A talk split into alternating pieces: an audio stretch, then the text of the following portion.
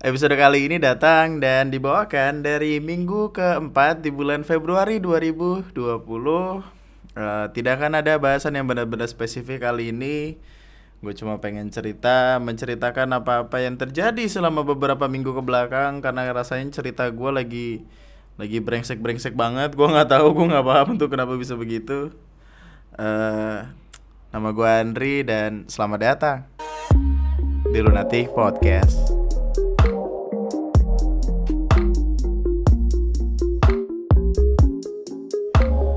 Eh, apa kabar semuanya? Eh apa kabar semuanya? Aduh, eh lata gue, eh lata gue. Apa?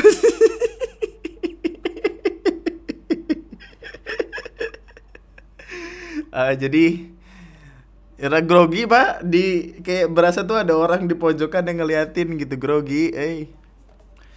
Jadi eh, akhir-akhir ini ada banyak hal yang terjadi dalam hidup dan kayaknya kayaknya akan cukup menarik untuk diceritakan dan nggak tahu ya kayaknya emang kebiasaan gue adalah nyeritain sesuatu yang emang bego aja gitu buat diceritain supaya orang-orang tuh biar nggak bego juga gitu biar nggak ikutan gila juga jadi eh gua udah berubah jadi tipikal orang yang kalau ada apa-apa tuh disimpan dulu terus nanti kalau udah waktunya diceritain sampai beleberan sampai panjang banget sampai capek orang dengerin ya. Kita kita kita mulai dari minggu lalu, minggu minggu lalu tanggal 9. Jadi kan nih gua gua gua kayak ngerasa gua udah makin tua.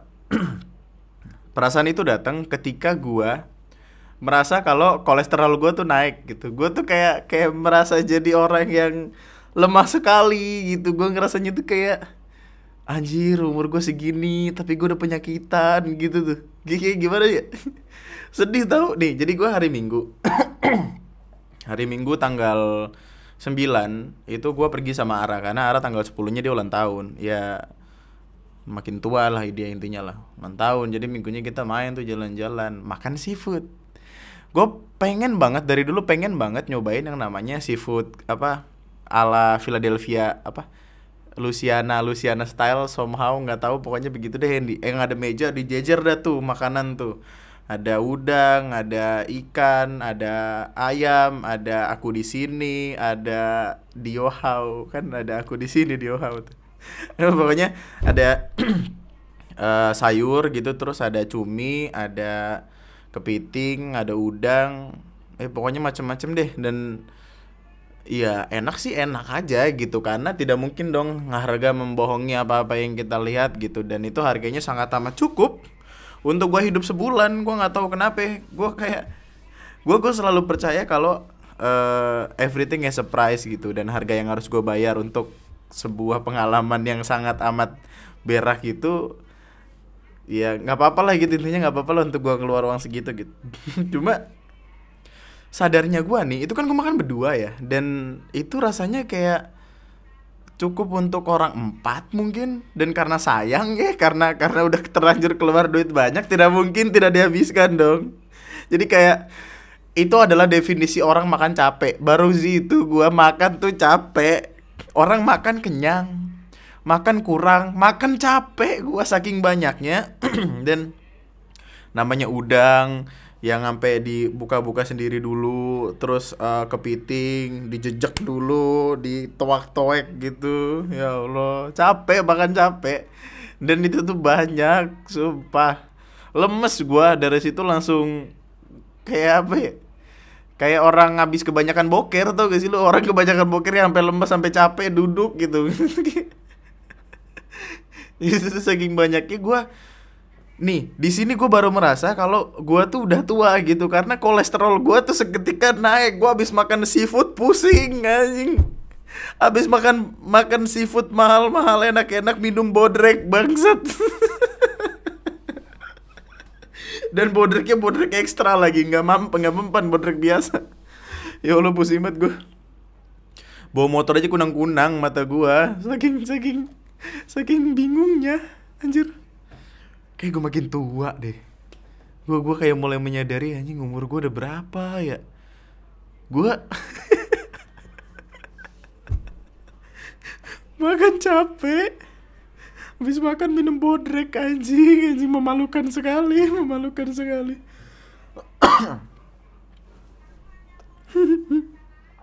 Terus uh, itu kan hari minggu. Hari seninnya gue uh, pokoknya habis makan makan itu gue gue awalnya bilang sama Ara kalau yaudah ini hadiah ulang tahun ini nih makan makannya udah kita jalan-jalan seharian. Dan iya iya aja gitu kan. Terus pulang uh, nah besoknya kan Ara ulang tahun tuh tanggal 10 gue ngebikin drama lah sama Windu ya kan?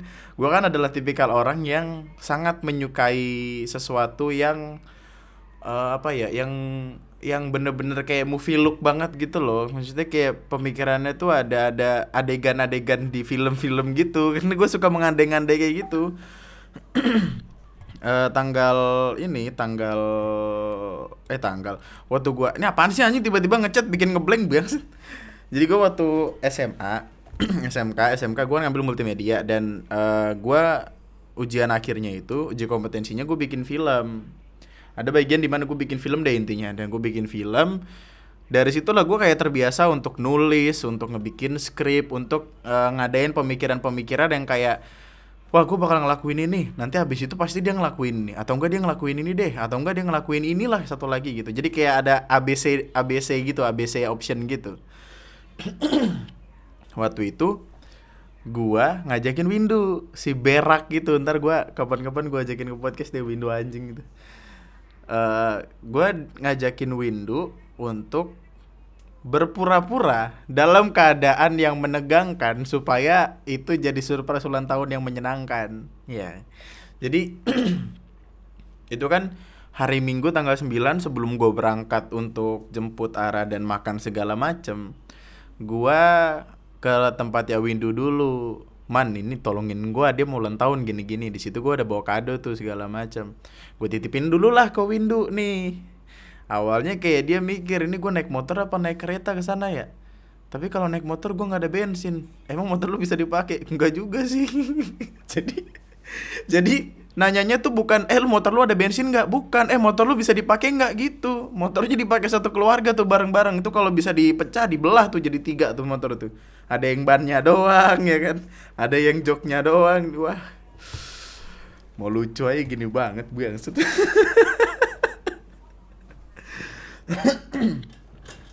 terus uh, eh, gue ngomong deh tuh sama Windu gue ngomong sama Windu gue cerita tentang gimana harus gimana. Karena di situ gue punya pikiran kayak yaudah nanti gue makan-makan sama dia terus nanti jam 10 lu telepon ya. Lu telepon lu bilang lu ada lagi ada di dalam keadaan yang sangat amat uh, menyeramkan gitu biar gue nanti bisa nyamperin ke arah lu gitu. Oh iya ya siap mantap mantap gitu. Bilang aja lagi dalam masalah gitu. Iya iya mantap gitu. Beda dari tempat Windu gue naik motor ke tempatnya Ara yang mana jauh sekali bangsa satu setengah jam anjing Bekasi Meruya Bekasi Meruya nyampe rumah Ara makan seafood pusing minum bodrek. Minum bodrek terus ya habis itu habis minum bodrek nah jam sepuluhnya karena gue bilang gue pusing. Karena emang gue pusing beneran terus kayak gue ya udah gue main ke tempatnya dia gitu untuk supaya pusingnya hilang. Tapi lama sekali pusingnya hilangnya. Biasa jam sepuluhan Windu nelpon. Wah sesuai dengan dialog nih sesuai dengan skrip. Ya. Pede senang waktu itu sengaja tuh dia nelpon gua loudspeaker di ruang tamu ada Ara ada maknya bapaknya lagi di depan pintu gua angkat man man tolong man Wah, ini sudah dimulai nih. Ini sudah dimulai. Ini sudah dimulai. Seneng dong gue. Man, man, tolong man. Nah, skipnya gue tuh kayak gue nggak kepikiran kalau misalkan emaknya apa nyokapnya Ara atau bapaknya Ara tuh bakal dengar karena dari awal tuh gue bilang ke nyokapnya Ara seminggu sebelum eh enggak seminggu sih beberapa hari sebelum tanggal itu gue udah ngechat mamanya Ara gitu mah ini nanti kan Ara mau ulang tahun nanti aku surprisein ya gini gini gini gini gitu. Terus iya iya iya gitu. Mahnya lagi depan gue gue ngangkat teleponnya Windu Windu ngomong man tolong man ini anjing banget ya gini gini ini ada mahnya ntar dulu nih bentar deh dia tiba-tiba ngomong anjing depan mama uh. tapi gue nggak tahu dia belajar acting dari mana.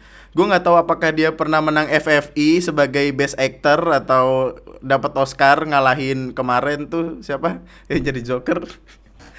Actingnya meyakinkan banget gitu. Man anjing tolongin gue men gue di sini. Ah, ah gitu. Itu kalau kalau ada gue rekaman terus gue rekam ya. Soalnya dia lebih pakai WhatsApp sih. Tolong tolong gue gue dibegal gue dibegal. Ini gue lagi ada di wali kota Jakarta Timur. Tolong tolong gitu. Yang gue nggak sangka adalah Ara panik. Gue pura-pura panik. Nyokapnya panik. Bapaknya ikutan panik. Jadi semuanya percaya. Juga kayak yang nyokapnya Ara tuh sampai yang ini sampai kamu tenang kamu tenang kamu tenang. Kamu tenang dulu tenang dulu. Naik motor pelan pelan kamu tenang. Disuruh gue yang tenang padahal itu lucu tuh.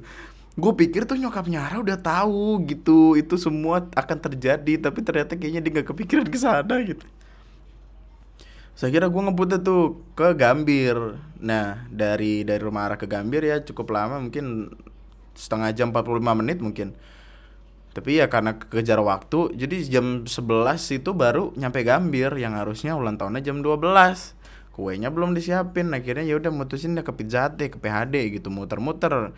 Ngikutin maps ya namanya udah malam kan ada yang tutup ada yang masih buka. Nah yang masih buka itu di uh, sekitaran mata Mall Taman Anggrek. Nah di Mall Taman Anggrek tuh waktu mesen nyokapnya Ara nanya ini kamu jadi ke sini nggak mas eh Andri kamu jadi ke sini nggak gitu? Jadi ulang tahun iya jadi jadi. Terus dari situ gue nyadar kayak ah, ini beneran nih. Dia percaya juga berarti. Dipikirin. Terus Windu abis itu gue kasih piala Oscar lah gitu pokoknya. Best actor of the year. Uh, abis itu ke uh, ke tempatnya Ara terus ya udah HBD ye gitu ketawa-tawa gitu. Lucu deh lucu lucu. Kadang-kadang kayaknya kita harus ada di sebuah titik yang yang selucu itu gitu untuk menikmati hidup untuk lebih menikmati hidup. Kayaknya dengan dengan tanpa gue ngelakuin hal itu kayak hari gue bakal membosankan aja gitu. Jadi kayak lumayan lah nambah nambahin nambah nambahin cerita. Lumayan buat podcast. Lu nggak tahu kan sebenarnya gue ngebikin semua skenario itu buat gue cerita di podcast doang. Iya malah jadi begitu nggak jelas. Nggak lah nggak namanya ulang tahun dirayakan sesekali. Lu tanda aja supaya dia sadar dia cepat mati bentar lagi mati. Ya. waktunya tinggal dikit lagi. Umur berapa sekarang? Dua dua sisanya dua dua aduh lucu banget windu windu. Dan habis itu ya udah balik. Hari itu kan hari hari Senin ya. Hari Senin Selasa Rabu Kamis uh, eh, gue jalani dengan biasa tapi Kamis mungkin lu yang udah udah dengerin podcast gue sama uh, Bang Bari Bari William alumni Suci 5 stand up comedy Indonesia Suci stand up comedy Indonesia season 5 uh, gue sempat ngebikin podcastnya. Podcast yang terakhir kan ngomong sama itu Bari dan cerita-cerita cukup lucu. Cukup lucu gue gue sangat amat apresiasi kehadirannya karena gue nggak pernah bukan nggak pernah sih kayak belum belum bener-bener ketemu orang yang secara secara YouTube, secara video dan apa-apa tuh selalu gue tonton gitu tiba-tiba gue lihat langsung. Makanya video itu eh, apa video videonya tuh ada sebenarnya tahu. video ada tapi nggak gue upload upload. Itu tuh gue nge-podcast tuh sambil gemeteran gitu loh, sambil sambil kayak ngambil kayak ragu-ragu gitu. Ragu-ragunya karena ya gimana sih caranya untuk mewawancarai orang yang katakanlah udah udah punya fame gitu temenannya juga sama orang yang punya nama artis lah artis gitu. Terus kayak yang ternyata orangnya humble ini menyenangkan sekali. Makanya itu adalah salah satu podcast yang yang gue sangat amat senang gitu. Meskipun banyak yang bilang kayak bang kok lu ngomongnya dikit di sini? Bang kok lu nggak nggak se nggak secerah biasanya? Anjing cerah secerah biasanya lu pikir gua apaan anjing? Lampu Philip. Garansi gue satu tahun lu pikir gitu Aduh lucu banget Eh itu gue kalau misal Eh tadi gue megangin kopi gak gue minum dulu Itu gue kalau misalkan semua podcast gue gue videoin ya itu pasti bakal gelap deh bakal gelap. Dan kalau misalkan gue jadi orang yang tahu kalimat kayak yang bang Bari keluarin kan bilangnya kayak dia dia bikin video nih rada-rada gelap ada yang komen bang kasih lighting dong gitu. Terus kayak Mamarinya marah-marah. Ya lu modalin dong, lu jangan komen doang. Komentar lu nggak bakal bikin video gua terang. itu lucu banget, masih lucu tuh. Komentar lu nggak bakal bikin gua terang anjing. ada-ada aja itu lagi waktu itu makan di Awe dan wafelnya enak meskipun gua nggak tahu sebenarnya waffle rasanya harusnya kayak apa yang gue pikir waffle itu ya ya martabak martabak manis. Ada bentuknya udah. Gue pikir begitu. Martabak manis ada bentukannya terus dia atasnya kasih es krim. Udah gitu doang pikir gue tuh. Tapi nggak tahu lah ntar gue cari lagi waffle wafflean karena gue benci makanan yang manis gitu. Eh gue tidak menyukai makanan yang manis. Gue tidak suka sesuatu yang terlalu manis. Karena yang manis biasanya bakal nyakitin doang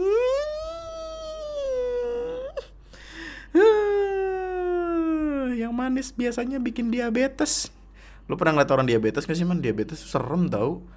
Maksudnya ketika lu kebanyakan makan manis lu punya resiko untuk kena diabetes gue nggak tahu apakah diabetes itu penyakit. Gue gue nggak nggak bener-bener tahu diabetes itu detailnya kayak gimana. Tapi sepenglihatan gue dari Twitter dari Instagram ada foto-foto orang kena diabetes dan jarinya kakinya tuh sampai hitam gitu loh sampai kayak apa kalau kalau disentuh tuh kayak nggak ada rasanya digaruk tuh nggak ada rasanya gitu. Jadi itu mati rasa bener-bener mati rasa dan bisa copot. Maksudnya kayak kayak plek gitu dicopot jempol waktu itu jempol cuman plek copot ya allah. Kayaknya itu gue nggak tahu itu apa yang terjadi apakah itu uh, aliran darahnya tersumbat sama gula gitu sampai akhirnya darahnya gak ngalir terus mati. Gue nggak tahu juga. Tolong jelaskan kepada saya tentang masalah diabetes ini wahai para netizen tersayang karena itu akan mencerahkan kita semua. Dan gue gue bukannya takut akan diabetes. Iya gue takut tapi kan bukan bukan itu fokusnya gitu. Karena emang dari kecil gue tidak dibiasakan makan manis gitu. Karena dulu waktu kecil kan makannya cakwe uh, mie ayam tiga ribu. Ajik dulu gue mie ayam masih tiga ribuan lu sumpah. Sekarang udah lima belas ribu aja mie ayam tiga ribu yang yang dagingnya gue nggak tahu lah. Kayak daging ikan sapu-sapu juga gue nggak tahu itu. Kalau kita makan ikan sapu-sapu kan perut kita bersih langsung. Gak kepikiran ke sana. Makan ikan sapu-sapu perutnya bersih. Aduh ya pokoknya gitu nih kayak gue nggak tahu ya apakah kopi termasuk akan membuat diabetes atau enggak tapi gue kan lebih memilih untuk minum kopi daripada untuk makan makanan yang manis. Karena makan makanan manis kalau selain kalorinya banyak dan ya itu efek yang mungkin akan ditimbulkan sama halnya ketika kita mendekati orang yang manis dan cantik dan putih dan berkilau dan dan kau susu dan susu dan kau kah nantinya uh, ya udahlah gitulah terus uh, abis itu hari Sabtu akhirnya itu kan hari hari Kamis hari Kamis sama Bari Jumat gua ngapa-ngapain hari Sabtu gua ke Dufan. Untuk pertama kalinya dalam hidup saya bisa ke Dufan karena YouTube. Tidak saya tidak di endorse tidak maksudnya kayak ya akhirnya gue bisa gue bisa ke Dufan karena ya terima kasih YouTube gitu. Tanpa YouTube saya tidak bisa ke Dufan. Jadi sebenarnya gue nge YouTube itu cuma bisa eh cuma supaya gue bisa pergi ke Dufan gitu. Apa itu AdSense? Dufan Dufan saya ingin ke Dufan. Dan dulu tuh as a kid gitu loh yang yang lahir dan dibesarkan tidak dari keluarga yang mapan yang yang semuanya apa-apa bisa dilandaskan pakai uang, gue kayak berpendapat kalau Dufan itu adalah sebuah tempat yang sangat amat menyenangkan gitu, yang yang pokoknya tuh isinya semuanya senang-senang deh, tempatnya hebat, mantap, harganya kan gila sekali ya 250 ribu untuk weekend itu gila sekali ya untuk zaman untuk ukuran orang-orang seperti saya yang yang kalau tanggal tua makannya promah minumnya promah cair gue ke Dufan hari Sabtu akhirnya. Dan itu juga karena ada promo. Jadi ada promo gitu 195 ya udahlah kapan lagi? Kan gue gue pengen banget ke Dufan gitu. Itu tuh kayak mimpi masa kecil gitu loh. Sebagai bocah yang kadang nemu flyer gitu apa? Kayak brosur kecil untuk pergi ke Dufan. Eh ke Dufan yuk pergi yuk ke Dufan. Dufan at Dufan gitu. Tau? Dofan Dufan gitu. Melakukan hal yang menyenangkan di Dufan gitu maksudnya. Ah lu bahasa Inggris lu berak hari Sabtu pergi ke Dufan gara-gara dapat diskon. Uh, itu gua rame-rame tuh pokoknya dah rame-rame tidak bisa disebutkan rame-rame lah intinya lah. Ada Ara juga di sana. Terus pertama kali masuk pikiran gua sebenarnya waktu masuk tuh adalah ya gua ke Dufan aja gitu. Gue bener-bener melupakan konsep ketika kita ke Dufan niatan ke Dufan haruslah untuk mencoba wahana-wahana yang ada di Dufan gue sama sekali nggak kepikiran untuk anjing ya juga Dufan kan isinya buat buat main-main beginian. Itu mata gue tertuju kepada baling-baling yang muter-muter yang orang teriak kayak dibanting-banting gitu di langit. Ya Allah orang mau bayar nih buat beginian nih. Siapa orang yang menciptakan konsep untuk menyiksa dirinya tapi harus bayar sebelum disiksa gitu kayak wah gila sih ya udahlah itu tuh gimana ya tipikal tipikal gue tuh tipikal orang yang ya udah kalau dari jauh tuh waktu tantangan belum ada di depan gue biasa biasa aja gitu. Waktu ngantri ya elah apa sih begini doang gitu. Waktu makin deket kita bisa pulang aja nggak? Pertama ke baling-baling tuh di baling-baling ngantrinya lama kan. Waktu duduk itu pernah nggak sih lu ngerasain kayak sepersekian detik hidup lu berhenti tuh? Ya begitu.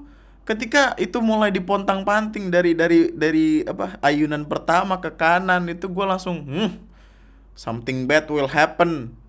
Something really really bad will happen. Gitu Terus kayak dipontang lagi ke kiri tahu-tahu muter. Ya Allah. Perut lu tuh kayak dikocok-kocok gitu loh jadi kayak milkshake gitu. Mana di atas kan? Jadi kayak dia di atas gitu di atas itu kita miring gitu terus kayak langsung blek gitu di di di ditumplekin ke bawah gitu. Berasa adonan anjing.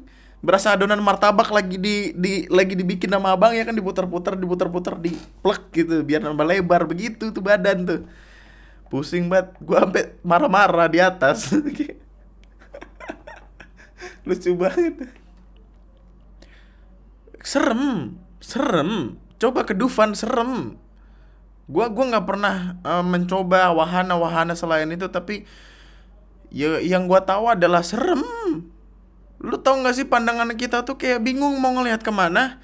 Orang kayak berpikiran wah kalau di tempat tinggi kita akan bisa melihat Ancol Jakarta dengan luas. Yang gue lihat cuman langit. Ya Allah gue berdoa gue berdoa supaya gue bisa turun dengan hidup. Turun dengan nyawa masih nempel. Lu tau gak sih kan itu waktu jadi kita ngadep ke atas nih tiba-tiba langsung dilempar buat ngadep ke depan kayak blek gitu ke depan. Itu tuh gue kayak ngerasa Allah Akbar ya Allah. Nyawa gue ketinggalan masih di atasnya tuh. Hmm? nyawa gue mana nih? Oh turun. Udah turun gitu. Ada lucu banget. Kadang hidup tuh gitu banget ya. Ada aja orang tuh yang dibikin gue maheran terus ke abis itu arung jeram. Dan gua gua akan memberikan saran sederhana untuk siapa pun orang yang mau pergi ke Dufan. Untuk jangan pergi ya lebih baik sih bukan jangan sih lebih baik untuk uh, pergi kalau weekdays aja. Jangan weekend. Soalnya kalau weekend berak sekali ngantrinya panjang. Dapat wahananya cuma itu itu doang. Gue di sana tuh cuma nyobain beberapa wahana doang karena ya gue pikir ada beberapa wahana yang tidak worth it untuk diantrikan gitu. Maksudnya nggak nggak seharusnya ngantri di sana habis baling-baling gue ke Arung Jeram nyobain banjir-banjiran banjir-banjiran tapi di kapal dan itu muter-muter lagi kepala gue pusing biasa. Kena air. Jadi kan ya lu tau lah pokoknya lu yang pernah ke Dufan ya begitulah. Pokoknya bentukannya Arung Jeram kenapa gue jadi soto ibat ya? Padahal ya begitu aja bentukannya gitu. Cuman kita cuman ada air nih kita di atasnya pakai kapal muter-muter basah gitu. Terus habis itu makan uh, habis makan kenyang. Kenyang bingung deh tuh waktu kenyang tuh. Mau naik wahana takut muntah. Nggak naik wahana sayang ya kan? Duit udah keluar. Akhirnya nyobain ke Mysterious Island. Mysterious Island tuh jadi kayak kayak apa ya? Kayak tempat 3D gitu. Jadi kita 3D yang tidak tidak 3D 3D amat gitu, cuman layar gede dan agak cembung atau cekung gitu. Jadi kelihatannya kayak ya udah kayak kita berasa di dalamnya. dan kita make bangku yang goyang-goyang gitu lah, bangku goyang-goyang yang ya ya udah yang rasanya kayak kita lagi ada di dalam dalam film itu. Cuma gua ngerasanya malah nggak tahu ya mungkin kayak gue tidak menemukan kesan kesenangan di sana gitu. Karena ngantrinya tuh lama gitu. Ngantrinya tuh di di pokoknya satu dua tiga kali empat pokoknya ya nggak tahu dah pokoknya ngantrinya lama lah. Setengah jam ada kali nungguin di di barisan itu terus waktu masuk tuh gue ngerasanya nggak impress sama sekali karena gue ngerasanya ya kayak kayak kursi pijet aja. Kursi pijet yang bedanya cuma naik turun naik turun gitu doang terus ada suara gitu. Dan dekat gue kan apa kayak ada mikrofonnya gitu mungkin.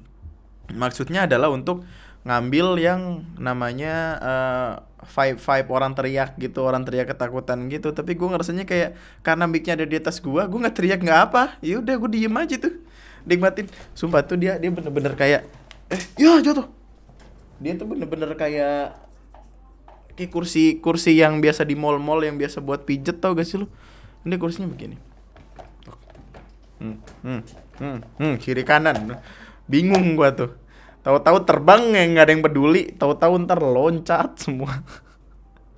Uh, habis itu ke Ice Age Ice Age ya wahana wahana wahana begitulah wahana wahana di mana kita naik kapal terus kayak ada storytelling dari boneka-boneka dan cerita-cerita yang ditranslate ke bahasa Indonesia yang ya mungkin kalau untuk anak-anak itu sangat amat menyenangkan karena akhirnya bisa melihat karakter yang mereka sukai ada di depan mereka. Tapi untuk orang dewasa itu kayak yang meh gitu loh. Dan adegan yang paling menyeramkan adalah ketika kita turun turun turunnya tuh turun kayak halilintar gitu kayak mak ngek gitu ke bawah gitu loh. Jadi kayak itu doang udah yang yang menyenangkan nih. Gue juga nggak paham deh. Baru habis habis habis ice egg se itu ke wahana youtuber ya kan halilintar. Wow wow wow wow wow. Halilintar dan halilintarnya tuh sebenarnya sederhana kecil gitu. Cuman cuman satu kali mut eh pokoknya pokoknya satu satu putaran deh satu putaran gitu. Dan itu juga cepat gitu. Mungkin gak nyampe nggak nyampe nggak nyampe tiga atau lima menit nggak nyampe. Antrinya lama banget lagi sialan waktu itu. Harusnya gue mikir untuk beli yang premium aja ya, biar nggak ngantri gitu. Ya udah ngantri cukup lama. Adik gue nggak berani karena dia nggak tahu. Tidak ada keberanian. Dan gue tuh dari pertama masuk udah kayak ya ini perlu masuk nggak gue ya? Apakah gue rela me menyerahkan nyawa gue kepada kepada sebuah mobil yang bergerak di rantai-rantai di di jalur-jalur yang muter-muter yang ke mana-mana ini gitu? Terus, waktu waktu di ujung rasanya tuh kayak ini ini pokoknya jadi kan itu ngantri ngantrinya itu ada bagian di mana antrian kita ada di bawah jalur keretanya itu sendiri gitu. Jalur hari lintarnya sendiri dan waktu ngelihat orang teriak di atas gua tuh kayak yang ada ada ada ada ada ada ada, ada. itu tuh rasanya kayak ada berak. Bentar kita kita skip dulu. Ada ada yang mau lewat berikut ini nanti kita lanjut lagi. Jadi kan Halilintar adalah salah satu wahana yang sangat amat uh, disenangi, kayak kayak bestseller lah, bestseller. Bestseller bestsellernya Halilintar itu kurang lebih sama kayak uh, toilet lah. Karena di sana salah satu yang paling banyak dicari kamar mandi aja rame banget deh sialan. Uh, pokoknya itu udah ngantri, ngantri udah seneng. Cukup lama. Tiba-tiba suruh naik tangga kita naik tangga itu udah kelihatan tuh jalurnya keretanya. Duduklah permasalahannya adalah gue nggak tahu apakah gue salah milih uh, milih tempat duduk atau gimana karena di bagian pengamannya itu yang buat gue itu tuh nggak nggak apa ya nggak nggak pas gitulah nggak klik banget di badan gitu. Jadi kayak waktu waktu digoyang itu masih ada masih ada celah gitu. Jadi kayak nggak nggak nutup dengan sempurna lah intinya.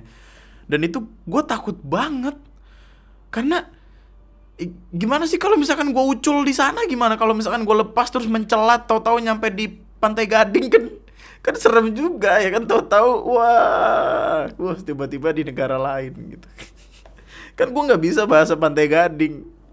Kirim ke Jepang lah nggak apa-apa di Jepang. Di Jepang kan yang penting bisa. Ya apaan sih? Itu ya udah duduk. Uh, jadi tas ditaruh di bawah tuh yang awalnya gue takut kan. Soalnya kan diputar-putar gitu kan. Awalnya gue takut cuman kayak eh ya udahlah gitu karena mas-masnya juga nggak apa-apa naik yang bagian mulai naik ke atasnya itu loh yang yang nyebelin tuh kayak dia kan naik ke atas dulu di situ gue mikir kayak anjing kok nggak kelar kelar kok tinggi banget perasaan dari bawah gue liat nggak tinggi tinggi amat dah terus waktu waktu udah di atas waktu turun waktu turun tuh ya masih biasa lah gitu kan dia agak turun terus nyerong ke kanan kan agak nyerong ke kanan terus gue pikir kayak oh ya udah begini doang gitu tidak ada masalah gitu. Terus akhirnya tuh yang yang turunan curam ke bawah itu loh yang mm, gitu. Tebak apa yang pertama kali gue teriakan. Tidak tolong tidak a tidak yang tidak yang yang normal normal tiba-tiba yang keluar dari mulut gue adalah anjing biji gue gitu. Karena karena karena waktu itu terasa tuh kayak cewek-cewek nggak paham sih lu lu nggak ngerti sih gimana rasa nyilunya nyilu turunan turunan itu lu nggak paham sih. Lu itu tuh kayak waktu turun kayak nguk gitu. Semua tuh ditekankan sama biji gitu. Semuanya numpuk di di biji gitu. Dan rasanya tuh kayak ya allah. Tuh kayak di bawah tuh kayak ada lagi nyentil nyentil gitu. Terus kayak mm, mm, gitu.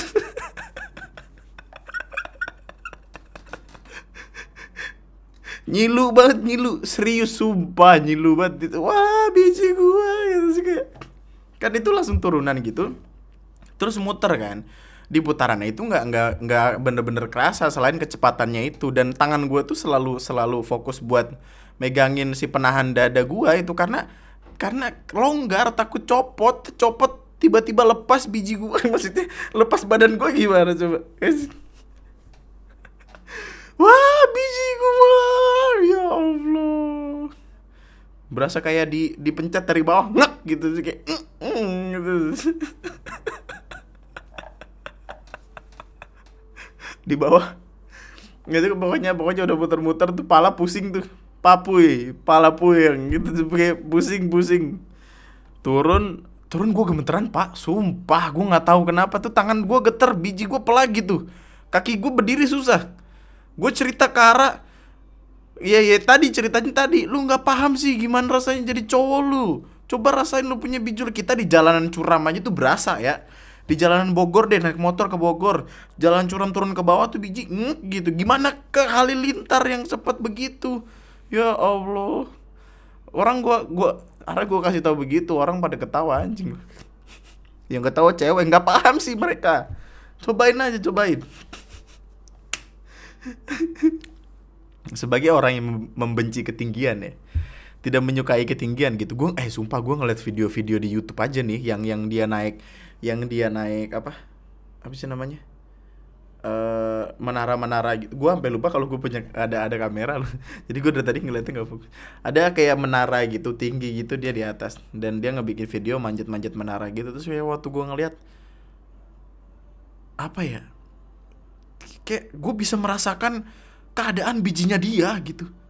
Entah kenapa tuh perasaan dari bijinya dia tuh terpancar jelas dari wajahnya mengalir dari kepala turun ke biji sendiri.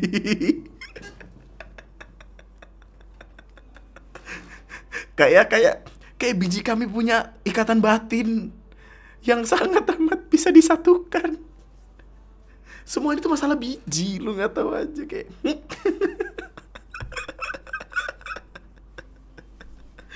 aduh gila gak enak banget nggak lagi lagi gue naik begituan. Nggak nggak lagi lagi gue nggak nggak mau. Nggak mau. Mau kayak apa juga bentukannya nggak mau. Kalau dibayar gue mau. Tapi kalau itu nggak mau. Kalau ada orang tiba-tiba eh ayo ikut gue naik kali lintar. Gue bayar lu lima lima ratus juta. Wah ayo. Mau berapa kali? Ayo. Sampai biji gue lepas. Ayo ayo. Transplantasi biji ntar Apaan sih aja kenapa jadi biji? Ntar judulnya gue taruhin biji nih. Judulnya gue jadi biji. Ya udah begitu deh pokoknya deh. Uh, Abis dari Dufan pokoknya abis senang-senang segala macem Pokoknya Halilintar itu yang terakhir deh Halilintar yang terakhir. Habis itu ngeliat ada kayak musik-musikan gitu Terus dengerin musik, dengerin lagu-lagu gitu Ada orang nyanyi. Sebalik naik gokar Dan kebetulan waktu itu ketemu driver yang yang ceritanya menarik gitu. Karena gue nggak tahu kenapa kan rumah gue di Bekasi, jauh dong. Dari Ancol cukup jauh ya meskipun gue gue nggak nggak terlalu mikirin harganya tapi gue mikirin orang-orang ada yang mau ngambil nggak gitu. Maksudnya driver driver ojek online ada yang mau ngambil nggak? Dan mobil kan. Karena setelah gua ngobrol sama driver ojek online nya gue dikasih tahu kalau Bekasi itu daerah hitam katanya. Waktu gue pikir kayak daerah hitam kenapa anjing? Nggak ada lampu? Perasaan ada gitu. Iya daerah hitam tuh yang dimaksud macet gitu kayak penuh kemacetan. Kayak mereka uh, mungkin ada beberapa driver yang lebih kepikiran buat uh, ya udah daripada gue ngambil itu sayang sayang bensin ya kan. Karena macet kan makan bensin juga gitu. Mereka takut ya uangnya habis buat bensin doang dan nggak balik modal atau apa gitu lama tuh sebelum dapat driver ini tuh lama karena ya gue nggak tahu kenapa mungkin gara-gara yang gue bilang tadi gitu. Dan ada satu orang yang pengen uh, nawarin buat offline gitu maksudnya di luar di luar dari ojek online ya jadi kayak price nya tuh sama sama sesuai kayak yang di aplikasi tapi dia nggak pakai nggak pakai aplikasinya sendiri. Dan itu kayak cukup riskan gitu apalagi uh, gue sempat dengar berita yang yang kemarin sampai dibawa kabur gitu kan yang padahal ternyata ceritanya setelah dicari tahu lagi itu miskomunikasi aja drivernya panik gitu. Setelah beberapa lama akhirnya dapet dan ketika dapet kebetulan banget kayak ketemu sama orang yang yang emang suka ngobrol dan dan ya baik aja gitu pikirannya tuh terbuka akan segala hal karena gue ngomongin segala hal sama dia. Gue sampai tahu kalau dia uh, S1 IT ya? S1 S1 S1 IT pokoknya gitu-gitu deh. Apa? Elektro elektro elektro teknik elektro. S1 elektro.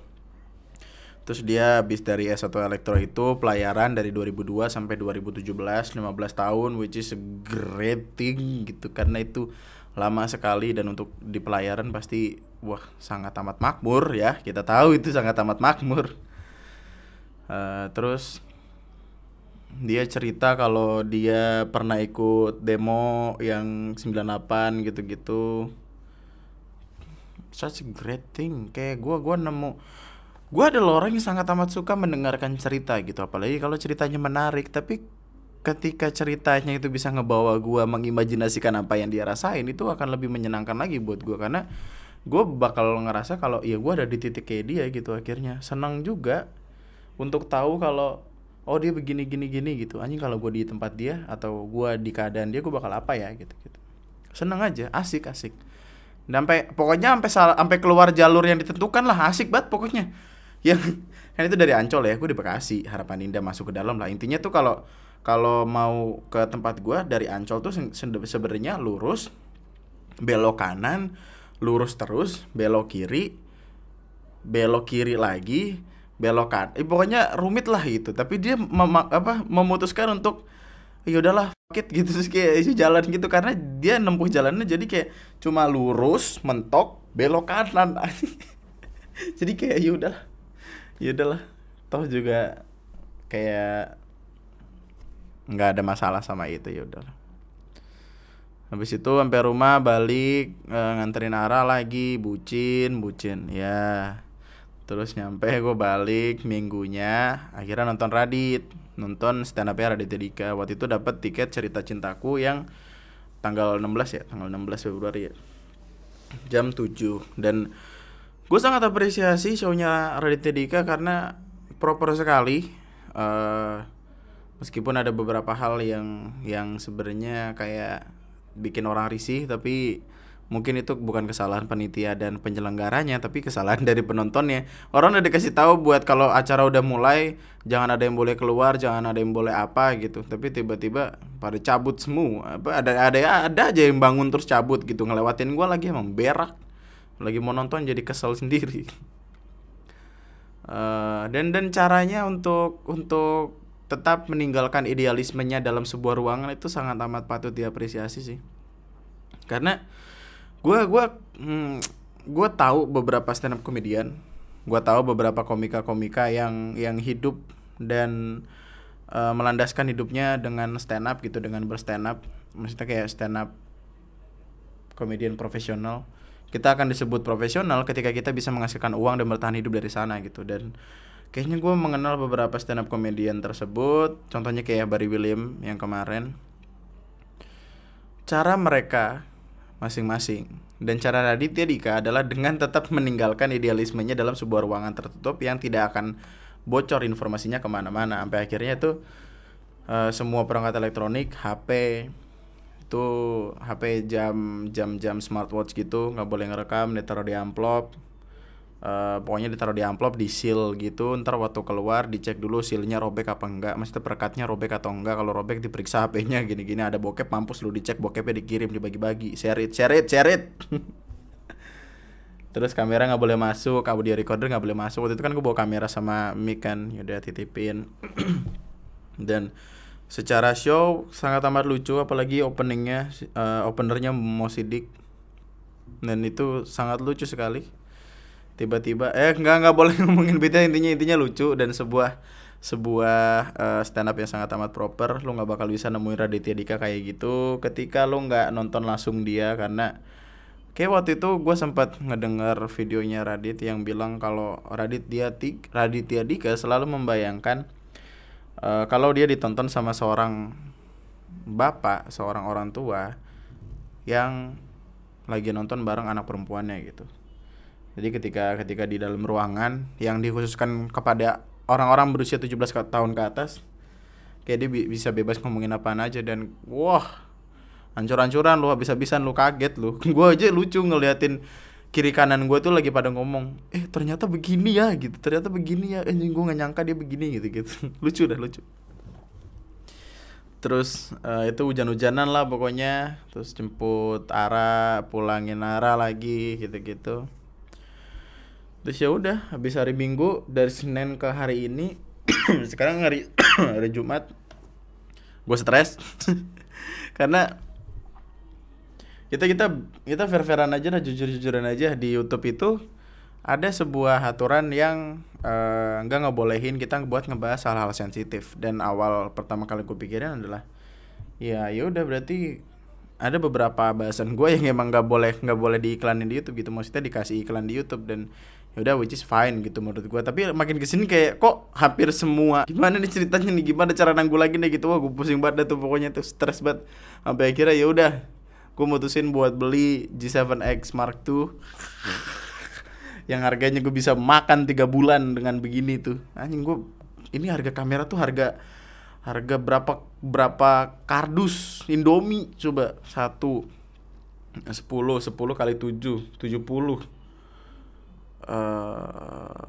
tujuh puluh tujuh ratus dong. Tujuh ratus. Ya udah tujuh ratus kardus delapan ratus kardus mungkin dapat indomie.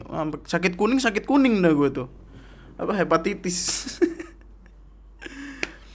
Tapi ya ya udahlah. Dan akhirnya ya ya udah keputusannya adalah ini. Selamat datang di Lunati Podcast. Selamat datang di tempat orang menceritakan uh, apa-apa yang dia punya. Selamat datang, selamat hadir untuk melihat gua orang yang rasanya selalu punya masalah sama dunia. Akhirnya berani menampakkan dirinya. Ini adalah sebuah sebuah video yang sangat amat aneh gua rasa sih. Sangat amat aneh gue pikir karena kenapa gua akhirnya berani untuk ngelakuin hal ini. Dan anjing kenapa kemarin video yang pertama kali gua upload itu sangat amat sampah karena settingannya juga emang berak masih belum kayak gini arahnya ke sana nih muka gue hitam banget kayak kudanil nyemplung di got. Ya pokoknya gitu deh. Uh, semoga dari sini akan ngebuka jalan-jalan baru ngebuka perjalanan baru. Jadi kalau lu misalkan ketemu gue di jalan ya udah sapa aja. Jangan tampol tolong. Jangan tiba-tiba ngeliat gue lu nampolin gue lu anjing. Ih. Setelah sekian tahun di YouTube setelah sekian bulan mempodcast keputusan yang jatuh di hari-hari ini di bulan-bulan ini gua gua gua gua bingung sebenarnya mau ngomong apa karena dari tadi gue tuh ngerasa kayak gue lagi diliatin dari ujung anjing. Kayak berasa ada paparazi padahal siapalah saya? Orang yang terkenal tidak kaya tidak miskin banget orang tuh selalu bilang kayak kehidupan itu bagikan roda yang berputar. Kayaknya hidup gue kayak kora-kora anjing naik bentar dikit turun lagi ke bawah gitu doang anjing. Kagak gak di atas banget lah hidup apa ini? Kora-kora ini. Hidup hidup adalah roda yang berputar. Berak nggak semuanya roda anjing kora-kora. Kadang di bawah kadang di bawah banget nyusruk aja apalagi kora-kora yang di pasar malam tuh kalau yang kagak ada yang jagain aja cuma pakai pakai besi doang suruh pegangan. Teman gua ya naik kora-kora dia palanya naik gitu. Jadi kayak kayak dia paling ujung gitu terus waktu naik di kora-kora pasar malam tiba-tiba palanya mesti dipegangin sama teman sampingnya. Ini kayak palanya ngek eh tetet tetet turunin gitu ngek gitu. Aduh, kesian banget dah. Yaudah setengah sepuluh Eh, Ini akan upload eh, akan, akan diposting jam 7 setengah 8 malam. Ya pokoknya gitu deh. Tunggu aja di Spotify. Dan selamat datang di Lunati Podcast Bersama gua Andri. Dan marilah kita menikmati semua apa-apa yang ada di dunia ini Dengan permisuhan, dengan misu-misu Dengan eh, quotes Quotes Kerja mulu nggak kaya-kaya Eh, ya namanya juga hidup. Harus siap dengan perbedaan eh, apa harus siap dengan perkembangan harus siap dengan perubahan. Karena kita ketika kita tidak lagi berkembang sebagai manusia kita akan tidak lagi berkembang sebagai manusia. Itu mantap. Ah ya udahlah itu aja buat podcast gue kali ini. Lu bisa nonton versi videonya yang sebenarnya gue juga masih kagok. Karena dari tadi ternyata gue harusnya ngeliat ke kamera. Kenapa gue ngeliat ke layar? Emang berak. Ntar gue kayak bakal masangin lighting supaya oh iya ini harusnya nggak kayak gini cuy. Harusnya supaya nggak ada nggak ada ceplakan di kacamata. Harusnya brightnessnya diturunin sampai mentok. Nah gitu dong. Ya ke mana aja? Nurdin emang dari kemarin gue liatin lu dilihat-liatin lu malah nggak wah emang berak lu. Nggak pinter-pinter udah gede lu. Ya udah itu aja buat podcast gue kali ini. Lu bisa subscribe YouTube channel gue di TNM lu bisa like videonya kalau lu suka dislike aja kalau nggak suka nggak apa-apa. Eh, lu bisa follow Instagram Twitter gue di @lunatictwister lu bisa ngedukung gue di traktir.com slash lunatictwister Sampai jumpa di video gue selanjutnya. Lu bisa ngirim DM ke gue di di, di IG pengen gua ngomongin apa, pengen gua ngebahas apa karena akhirnya ya keputusannya udah turun gitu kayaknya akan akan lebih baik kayak gini juga. Sebenarnya ya intinya sederhana, gue cuma ngomong di depan kamera udah gitu doang gitu. Tapi kayak keputusannya lama banget gua ambil, tapi nggak apa-apa lah. Akhirnya juga keambil-ambil juga. Hah, Sampai jumpa di podcast-podcast gue selanjutnya. Sementara itu tetaplah bahagia, tetaplah baik-baik saja. Nama gue Andri, sekian dan... Bilang saat gue bikin kopi nggak diminum dah jadi. Kalau lo mau ke Dufan, kalau lo mau ke wahana-wahana yang kayak gitu kayak gitu, gue kasih tahu aja nih buat cowok-cowok, cari sebuah wahana yang lo yakin dengan lo naik wahana itu biji lo nggak bakal keteken lu pikir enak biji keteken? Kagak anjing. Ngilu. Ngek gitu tuh kayak. Berasa ada orang di bangku tau gak? Lu naik halilintar lu gue curiganya makanya kayaknya di bawah bangku tuh ada orang deh. Jadi kayak dia dia ng ngelihat ke atas kita tuh kayak ngek ngek ngek. Mencet mencetin biji. Aduh itu aja thank you